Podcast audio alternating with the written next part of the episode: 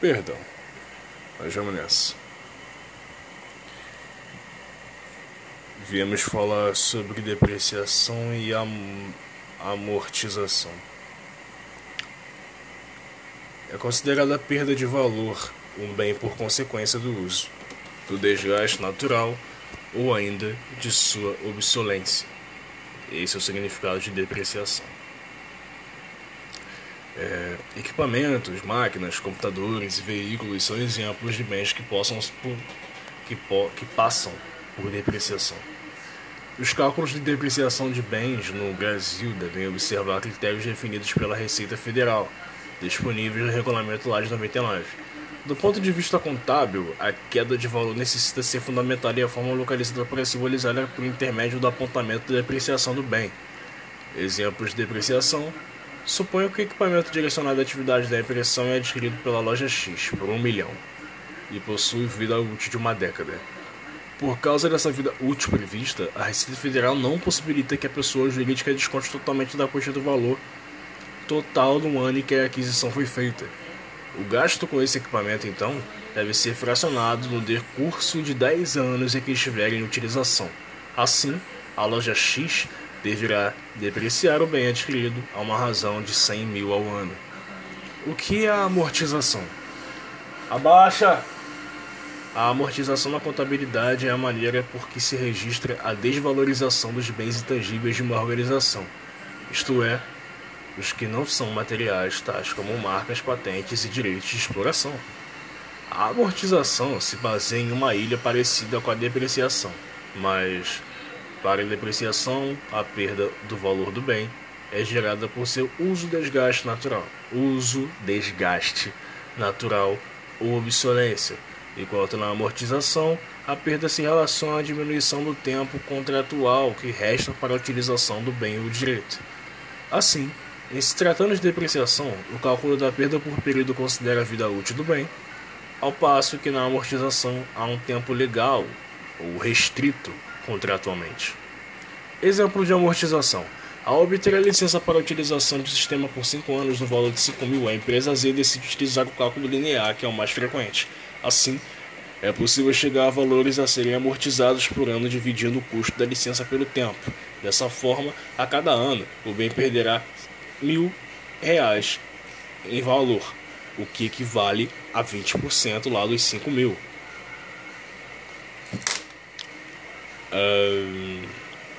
Olha. E aí, ficou com alguma dúvida? Deixe seu comentário. Blá blá blá blá blá. Acabou. Cara, 3 minutos, mano. Que saco. Pera aí. Deixa eu buscar algum outro, alguma outra definição melhor. Porque ficou dúvida assim. Resumindo de forma técnica, a depreciação e a turma. Resumindo de forma mais técnica, a apreciação, a depreciação e a amortização é a alocação sistemática do valor depreciável de um ativo ao longo de sua vida útil, ou seja, o registro da redução do valor dos bens pelo desgaste ou desgaste ou perda de utilidade do mesmo seja por ação da natureza ou obsolência. A cota a ser lançada desse item deve ser registrada na escrituração contábil da empresa como custo operacional. Observe que o limite desse custo é o valor do próprio bem a ser depreciado. Desse modo, o controle individualizando dos bens torna-se necessário para que o cálculo final não fuja da realidade patrimonial da empresa.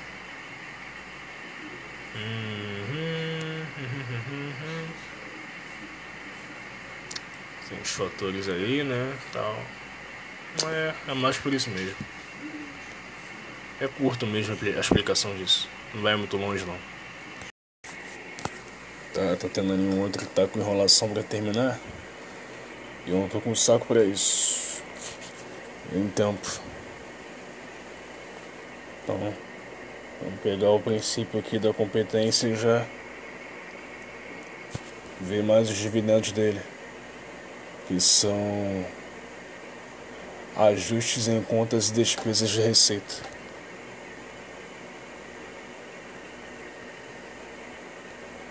Ajustes em conta e despesa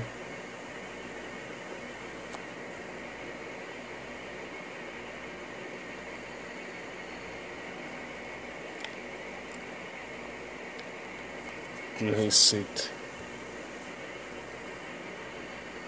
De receita? É, de receitas. Eu acho que eu vou retirar esse princípio de competência na frente dessa frase toda. Deixa só ajuste. Não.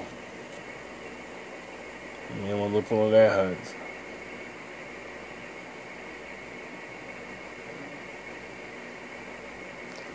Mas apesar do lugar errado, essas informações que tem aqui vão me ajudar.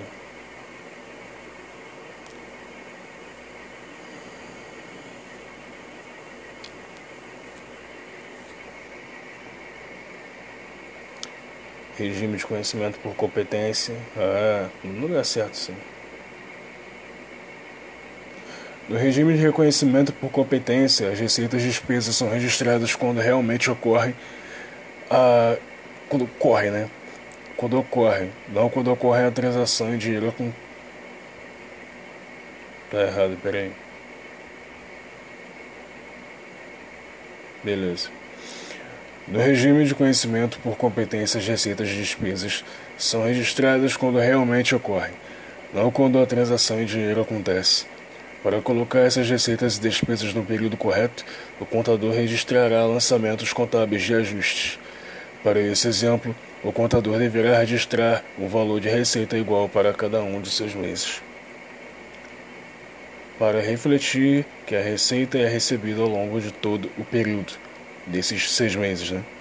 A transação em dinheiro real continuaria sendo monitorada também no demonstrativo dos fluxos de caixa.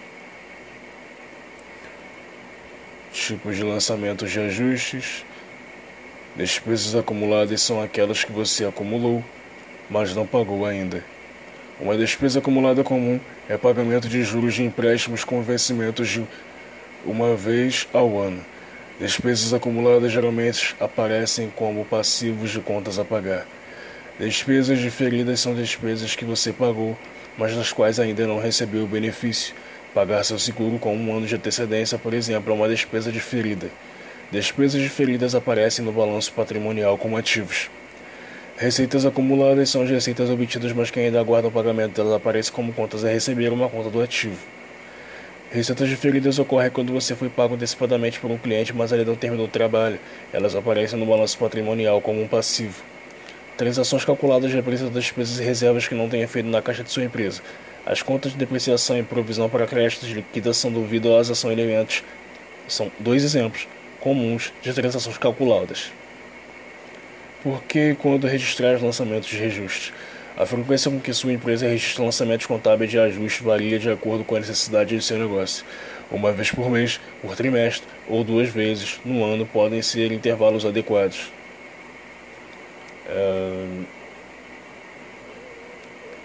Estamos aqui o regime contábil também, tá? Se você permite usar o regime de conhecimento por competência deve registrar esses lançamentos, né? Uh, esses lançamentos antes de gerar demonstrativos financeiros para financiadores ou investidores. Registro de lançamentos contábeis propriamente ditos. Registro de lançamentos contábeis de ajuste requer um conhecimento aprofundado de contabilidade financeira se a pessoa que mantém suas finanças tem somente um conhecimento básico da escrituração, é possível que ela não esteja registrando os balançamentos de ajuste. Um, um lançamento de ajuste. Um técnico em contabilidade deve saber registrá-los e um contador especializado certamente saberá cuidar disso. Os lançamentos contábeis de ajuste podem ser complicados, então é melhor que você não os registre, a menos que você seja especialista em contabilidade. Seu contador, no entanto, pode fazer uma configuração para que os lançamentos contábeis de ajuste sejam registrados automática e periodicamente no seu software financeiro. Dessa forma, você saberá que a maior parte, se não todos os lançamentos de ajustes necessários, estarão refletidos quando os relatórios financeiros mensais forem gerados. Boa! Só me deixou faltando demonstração financeira. Para encerrar aqui o podcast. Uh, demonstrações financeiras.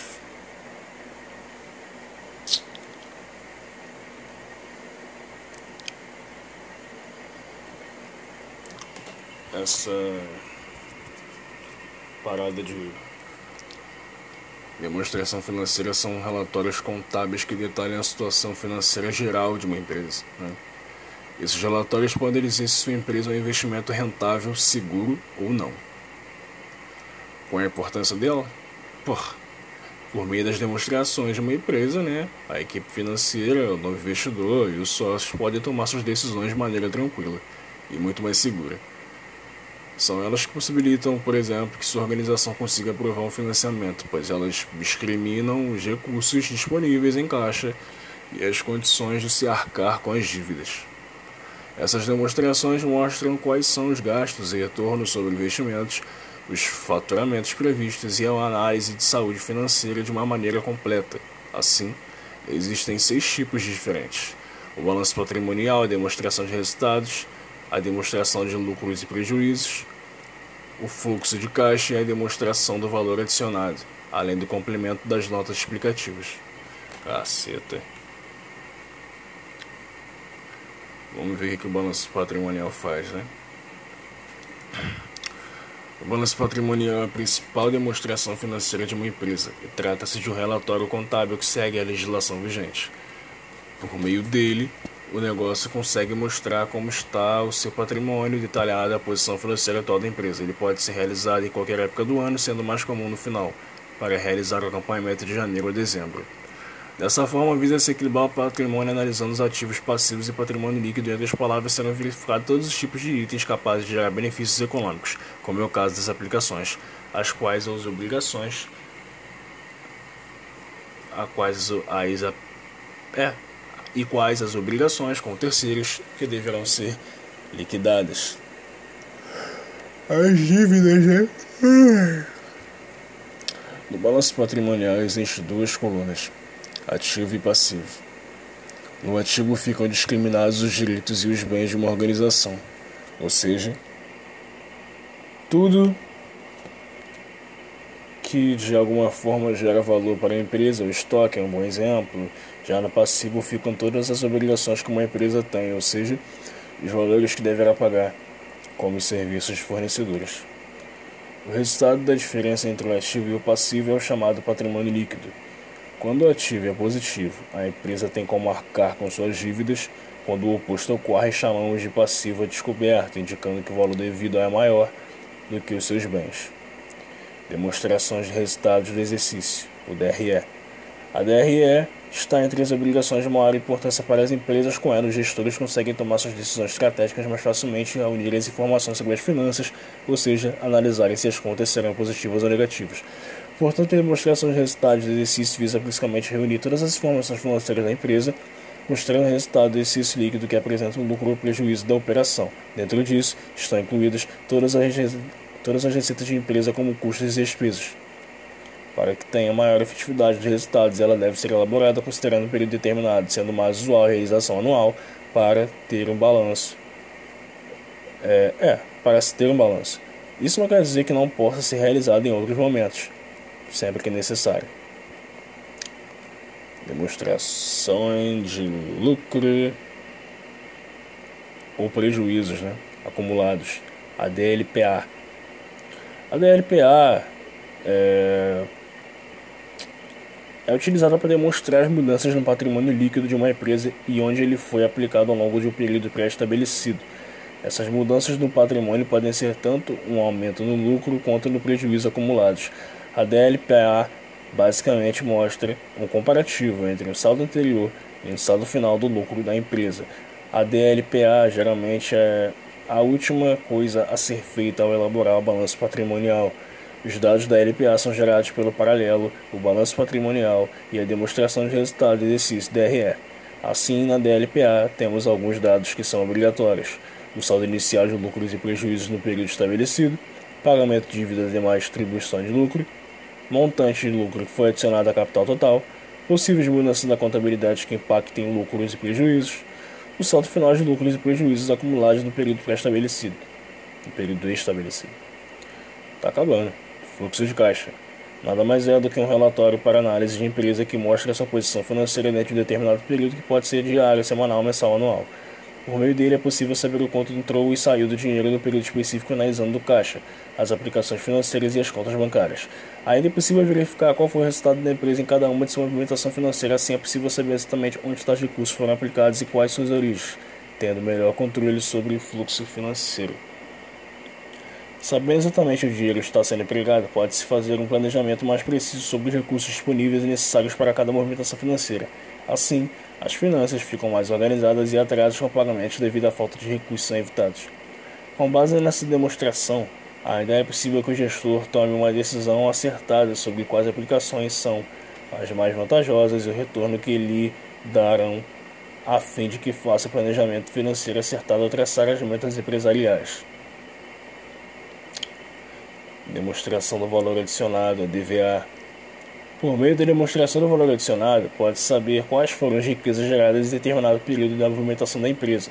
Nesse demonstrativo, porém, não importa apenas qual o lucro da empresa, mas se ela esteve ligada de maneira positiva a casos sociais. Por exemplo, se a empresa contratou mão de obra da comunidade da qual faz parte ou até mesmo seu negócio está contribuindo para o desenvolvimento econômico do país ou município. Dessa eu não sabia, hein? Com base nesses dados, é possível saber qual foi o papel da empresa na geração de riquezas ao analisar de que forma contribuiu para o desempenho social com a economia de forma geral. Essa seção de relatórios compara, compara os valores das entradas e saídas, assim como as demais demonstrações financeiras, mas como toma como base o princípio da responsabilidade social, medindo o quanto essa riqueza esteve relacionada ao bem da sociedade na qual a empresa está inserida como um todo. Notas explicativas. As notas explicativas servem para esclarecer sobre a situação patrimonial, visando complementar as demonstrações contábeis que podem não ter ficado claras. Elas também podem informar sobre práticas contábeis que foram aplicadas na empresa, completar informações que são exigidas pelas práticas contábeis adotadas no Brasil que não foram demonstradas, incluir informações financeiras irrelevantes, indicar os critérios de avaliação patrimonial, apontar investimentos em outras sociedades, expor garantia de obrigações a longo prazo, explicitar ajustes em incisos anteriores. Fim. Merecido fim.